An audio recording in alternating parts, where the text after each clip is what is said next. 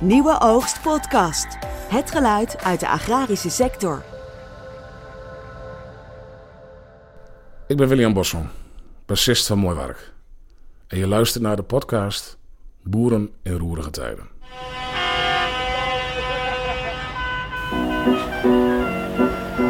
En ik heb mezelf de vraag gesteld: ben ik de juiste persoon om als minister leiding te geven aan de opgaven die er liggen?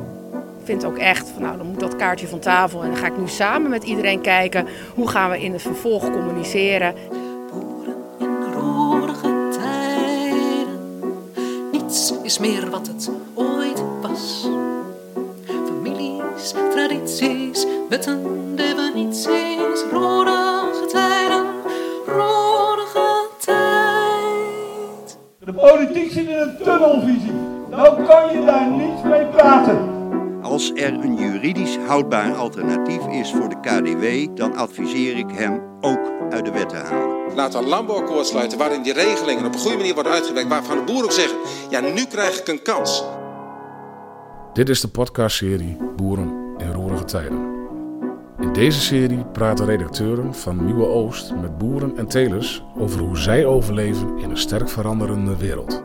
En welke impact deze roerige tijd heeft op het ondernemerschap, het gezin en de kijk op de toekomst. In deze aflevering praat redacteur Jacomien Voorhorst met melkveehouder Sjoerd van der Helm uit Zuid-Schermer, een dorpje vlak onder Alkmaar. Sjoerd van der Helm heeft in de afgelopen jaren een kapitaal geïnvesteerd om de bedrijfsvoering op zijn boerderij zo optimaal mogelijk te krijgen. Ja, wat hebben jullie voor bedrijf? Hoe groot is het? We hebben hier 360 uh, melk- en kalfkoeien op bedrijf met een 200 stuk jongvee. Ik had met mijn ouders uh, 10 kilometer hier verderop een bedrijf. Uh, daar zaten we midden in de bebouwde kom, of ja, in het dorp. Daar wilden we graag verplaatsen. Daar zijn we 12,5 jaar mee bezig geweest. Maar uiteindelijk was ik er klaar mee en toen zeiden mijn schoonouders waarom voegen we niet allebei de bedrijven samen. Dus toen in 2016 zijn de melkkoeien uit Marken binnen hier naar de Laan weggegaan. Dus toen molken we nou, bijna 260 koeien denk ik. Ja, toen in 2016 wisten we wel van zo verder gaan met zoveel koeien, acht uur op een dag in de melkput staan, dat heeft geen toekomst. dat gaan we niet ons hele leven volhouden. Dus we zeiden van, uh, er moet wat anders voorkomen. Dus zijn we over na gaan denken hoe verder. Dus toen zijn we uiteindelijk uh, uitgekomen om toch robots te gaan melken. En zoals ze nu staan in een kassaopstelling. Dat waren we een van, waren de eerste van in Nederland. En toen, uh, ja, we wilden ook wat meer. Eigen stroom opwekken met onze mesten wat meer. Ook een beetje kijken naar de toekomst. Want toen was de derogatietoestanden was er ook al aandacht, of puntje van aandacht. Dat was in 2017. Met het oog op de toekomst meldt Sjoerd van der Helm zich aan voor een studiereis naar België om daar te kijken bij boeren die ervaring hebben opgedaan met een monomestvergister. Ja, wat, wat, vertel daar eens wat over, die monomestvergisting. Hoe, hoe gaat dat in zijn werk en wat, wat hebben jullie hier staan? Nou, we hebben 44 kilowatts monomestvergister. Die uh, wekt uh, voor ons zeg maar uh, 400.000 kilowattuur aan stroom op. En het is eigenlijk, ja, er gaat koeien verse, dagvers koeienmest in. En er komt uiteindelijk ook gewoon weer koeienmest uit. Er gaat niks anders bij. En de motors die draaien op de methaan die normaal gesproken in je mestkelder ontstaat. Dat ontstaat nu in de mestsilo bij de vergister. Het is eigenlijk hetzelfde als een auto die op gas draait of rijdt. Daar doe je natuurlijk ook gewoon gas in en dan ontstaat de, de motor die maakt zeg maar, jouw voor, vooruitgang. En nu is het gewoon de gas die gaat door de motor heen en die draait een generator aan. En die generator die produceert stroom. En die stroom, wat gebeurt daarmee? Nou ja, we gebruiken ongeveer zelf 250.000 kilowatt per jaar. En de overige 100, ja, 120 à 150, die leveren we terug aan het net. En wat levert dat op? Ja, dat is gewoon de dagprijs. Dat is gewoon hetzelfde als zonnepaneel uh, ja. terugleveren. Daar is niks geks aan eigenlijk. Nee. Maar het, het, voor ons is het gewoon voornaamste. Die motors die draaien gewoon 24 uur per dag. Dus wij, uh, ja, wij hebben geen elektrakosten bij ons elektra. Wij hebben alle machines, de robots, uh, we hebben met de nieuwbouw overal rekening mee gehouden dat alles op stroom draait. Ja, daar, dat wekken we zelf op, dus daar betalen wij niks voor. En, en derogatie, hoe zit je daarmee? Maar ja, zoals het er nu naar uitziet, uh, nou, de derogatie gaat er natuurlijk af. En ze zeggen dat ook de derogatie uh, rondom de Natura 2000 gebieden 2024 er al afgaat. Ja, want hoe zit je hier ten opzichte van de Nou natuur? ja, de, we zitten op 1100 meter. En we hebben heel veel land zeg maar, eh, binnen de kilometer. En welke natuurgebied is dat? Eilandspolder. Oh. Eilandspolder. Oh, ja. Dus ja, waarschijnlijk raken we het grootste deel volgend jaar al kwijt van de derogatie. Als we niet alles kwijtraken. Hoe keek je aan tegen deze tijd? Ja, het is erg roerig. Je Het meest- ja, je vindt ja. het heel, ja, ja. Wat, wat zijn voor jullie de, de meest roerige dingen? Nou, dat je niet weet waar je toe bent. Kijk, in 2019 hebben wij eh, voor heel veel geld geïnvesteerd. Voor een paar miljoen. En je weet gewoon niet of je het goed gedaan hebt. Kijk, qua mest. eh, als de derogatie eraf wil dat je meer moet afvoeren. eh, ja, daar is overal mouw aan te passen. Daar ben ik niet zo bang voor. En voor het nieuwe mestbeleid, nieuwe GLB-beleid. Ik denk dat we daar wel creatief genoeg zijn om daarop in te spelen. Maar het is meer van, ja, eh, zoals bijvoorbeeld, eh, we zijn, we zijn over aan het nadenken om eh, uit eigen mest kunstmest te maken. Maar ja, dat wordt allemaal nog niet goedgekeurd. En wanneer wordt dat wel goedgekeurd? En als je daar wel op in kan spelen, ja, dat scheelt dan toch weer heel veel mest afzetten. Maar ja, hoe komt dat uiteindelijk allemaal op zijn pootjes terecht? Je weet het niet. En wanneer ben je een piekbelaster? Ben je daar bang voor? Nee, ik ben er niet bang voor.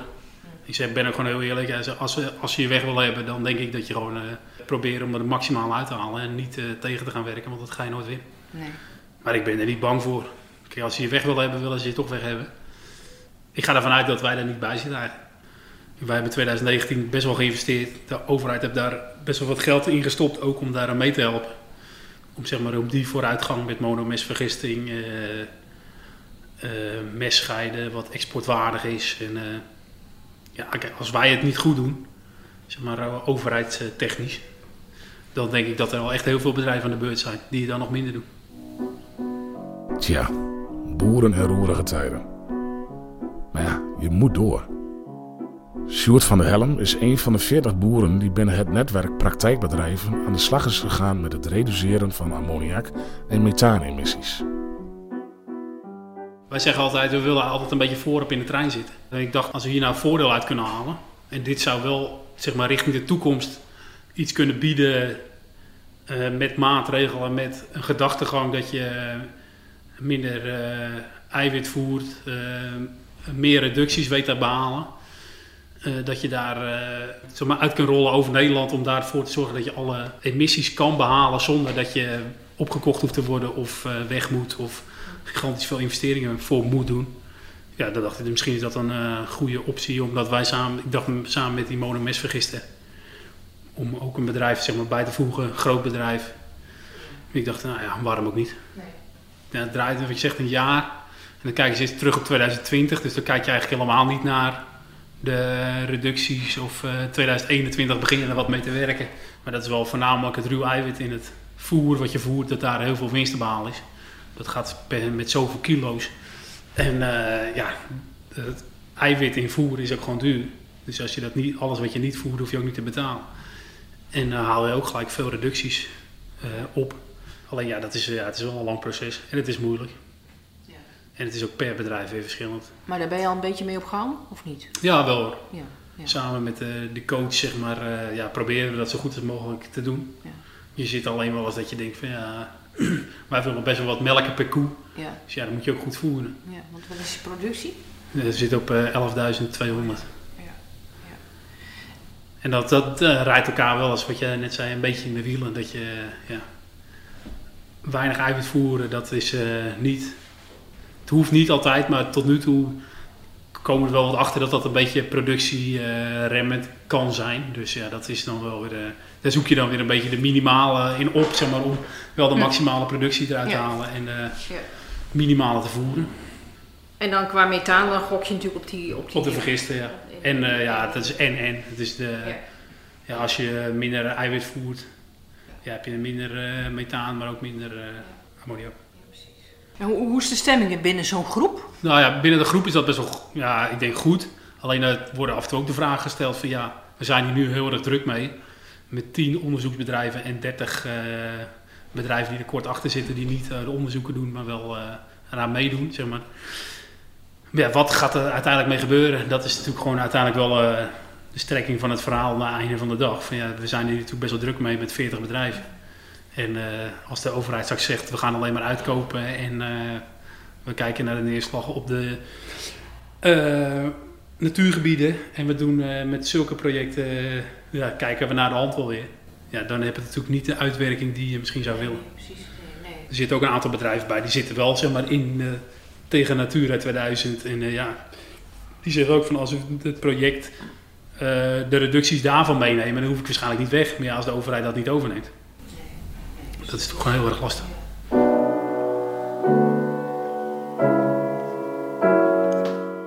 De wil om te innoveren is duidelijk aanwezig bij de jonge boer. Maar er zijn ook vragen en twijfels. En niet alleen over de gedane investeringen op de boerderij, maar ook over de aanpak van de overheid als het gaat om stikstofproblemen. Je denkt niet dat het een probleem is? Nou, natuurlijk. eh, Merk ik. Een probleem, probleem. Hoe, hoe kijk je er tegenaan? Aan tegen de... Ja, er, er moet wel wat gebeuren, zo eerlijk ben ik ook. Kijk, eh, we zijn ook wel echt met heel veel op zo'n klein stukje grond. We kunnen het allemaal heel efficiënt, maar als je het gewoon eh, blanco bekijkt, zijn we ook wel met heel veel. Dus ik denk ook wel dat er ergens wat gebeuren moet. Maar ja, zoals het nu gaat, is het wel eh, ja, redelijk bijzonder, denk ik. Ja, wat is bijzonder? Nou, dat met uitkopen en als je niet uitgekocht wil worden, dat het uiteindelijk onteigenen wordt. En eh, ik denk dat dat niet de, de juiste gang van zaken is, maar eh, ja, ik denk dat dat een heleboel het niet vinden. Nee, maar hoe zou het wel moeten? Hoe- Nou, ik de- denk dat je eerst eens, als je eerst eens vanuit moet gaan kijken welke bedrijven er echt mee zouden willen stoppen. En dat is eh, eerst daar eens mee beginnen. En eh, ja, uiteindelijk met maatregelen, of maatregelen, ja, op maatregelen per bedrijf kunnen gaan kijken hoe of wat. Maar dan moet dat niet eh, vandaag of morgen geregeld worden. En dat is denk ik gewoon het grootste probleem waar, eh, waar Nederland gewoon veel te laat mee begonnen is. Nu moet alles met stem, stel of sprong geregeld zijn. De lange termijnvisie is er gewoon niet. Dat, is, dat denk ik dat het gewoon het grootste probleem is. Ze roepen van alles. En dan moet eerst eens een kaartje en dan wordt het eh, uitkopen. En eh, als ze nou eerst eens in kaart brengen van hoeveel bedrijven willen er gaan stoppen, welke gaan er stoppen. En dan eens gaan bedenken per gebied wat er nou echt allemaal aan de hand is. En dan eh, niet alleen maar naar de veehouderij kijken, maar naar alle, industrie. En dat gaat nu natuurlijk, ja, gaat dat natuurlijk weer verkeerd. Doordat de overheid zegt we gaan ze opkopen. En Schiphol en Rijkswaterstaat is er weer snel af. Er zit natuurlijk helemaal geen, geen logica, of hoe moet je dat zeggen, geen nuchter denkend vermogen achter wat zegt van eh, we gaan het eens zo doen. Dus ja, ik vind dat heel erg bijzonder. Hoe, hoe zie jij die, die, die, die landbouw in Nederland? Is er plek voor, voor landbouw in Nederland, voor veehouderij? Wat, wat, hoe zou dat in jouw ogen eruit moeten zien? Nou, ik denk dat er, dat er zeker plek voor veehouderij. Alleen ja, het zal, richt- rondom de steden zal het er niet meer zijn, want dat moet gewoon volgebouwd worden. En ik denk dat er veel meer samengewerkt moet worden. Op wat voor gebied? Ja, met akkerbouw en eh, qua industrie wat mest nodig hebt. Wat, ja. Kijk, nu eh, raakt straks de potgrond en zo, raakt de veen en turf mogen ze niet meer gebruiken. Nou, daar kan ook heel veel eh, dierlijke mest heen. Ja, daar moet allemaal mee gerekend worden en over nagedacht worden. Alleen ja, dat moet uiteindelijk wel met z'n allen gebeuren. En dan is natuurlijk veel meer plek. Of ja, hoe moet dat zeggen? Er is eh, meer plaatsingsruimte voor de mest. Als dat ze nu zeggen. Want als de, de potgrondfabrieken eh, de dikke fractie gebruiken van de koeienmest bijvoorbeeld. Ja, dan is er gewoon veel te weinig mest in Nederland. Maar ja, dat zijn dan allemaal factoren die uiteindelijk wel met elkaar samen moeten gaan werken. En dat is met de akkerbouw natuurlijk nu met eh, de kunstmestprijzen zo hoog zijn. We schakelen opeens heel veel akkerbouwers over op de dierlijke mest. Ja, waarom zou dat niet daarvoor kunnen? Het is alleen maar prijsdrijvend om voor kunstmest te kiezen en niet voor dierlijke mest. En als dat natuurlijk meer met elkaar samen zou hangen, dan heb je en veel minder kunstmest nodig, wat eh, gigantisch veel eh, aardgas gebruikt. En de, de dierlijke mest kan op de juiste plek eh, toegebracht worden. Hoe zie je je eigen bedrijf in zo'n toekomst? Nou ja, wij zijn ook bezig om te gaan samenwerken met akkerbouwers. Oh ja? Ja. Vertel, vertel er eens. Ja, nou ja, door land te ruilen, maar ook door om mest eh, af te zetten naar hun. Dat zij ons land gebruiken en wij een deel van hun land. En dat zij mest van ons afnemen. Zij willen graag vaste mest. Eh, de stroommest. Nou ja, wij Heb je hebben- dat? Wij hebben nu dan de droge koeienstal eh, ta- ja, zeg maar voor nood ook een soort van omgebouwd tot stroostal. Maar ik denk dat wij de, dro- de melkkoeien gewoon houden zoals we ze nu houden. Met lichtboxen, met biobedding. En ja, een dichte vloer voor de monomestvergister. Maar ik denk dat in de toekomst eh, de rest van het vee allemaal op stroommest eh, gaat. Ja. eh, mest eh, met stroommest, zeg maar, is wel vraag naar. En mest door een eh, slang heen naar de buurman, daar is gewoon... eh, Nee, dat willen ze niet. En je hebt hier natuurlijk ook akkerbouwers in de buurt zitten. Ja. Dus dat is, ja, en hoe ver Ja, zijn al moet je dan, eh, ja, de buurman, dat is hartstikke dichtbij. Ja. Maar al moet je er wel veel, of eh, zeg 10, 15 kilometer voor rijden, dan valt het nog allemaal wel mee. Ja.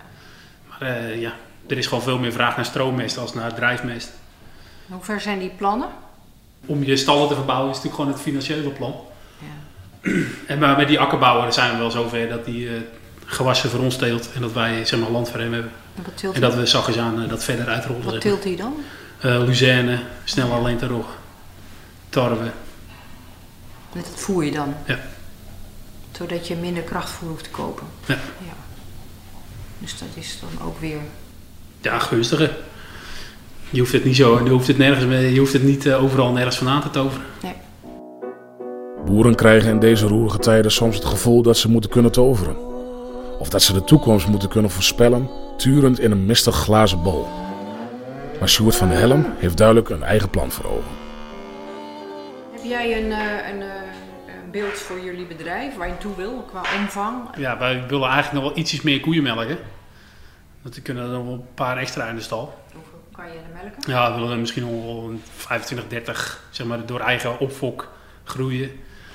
En dan melken we er eh 330 door de robot. Dus dan heb je bij elkaar iets van 380, 390 melkkalfvoeien. We hebben een, vergunning voor 400. Dus ja, daar blijf je dan een beetje onder. Daar willen we wel een beetje naartoe. Uiteindelijk gaan we het bedrijf met z'n tweeën doen. Met mijn zwager en ik.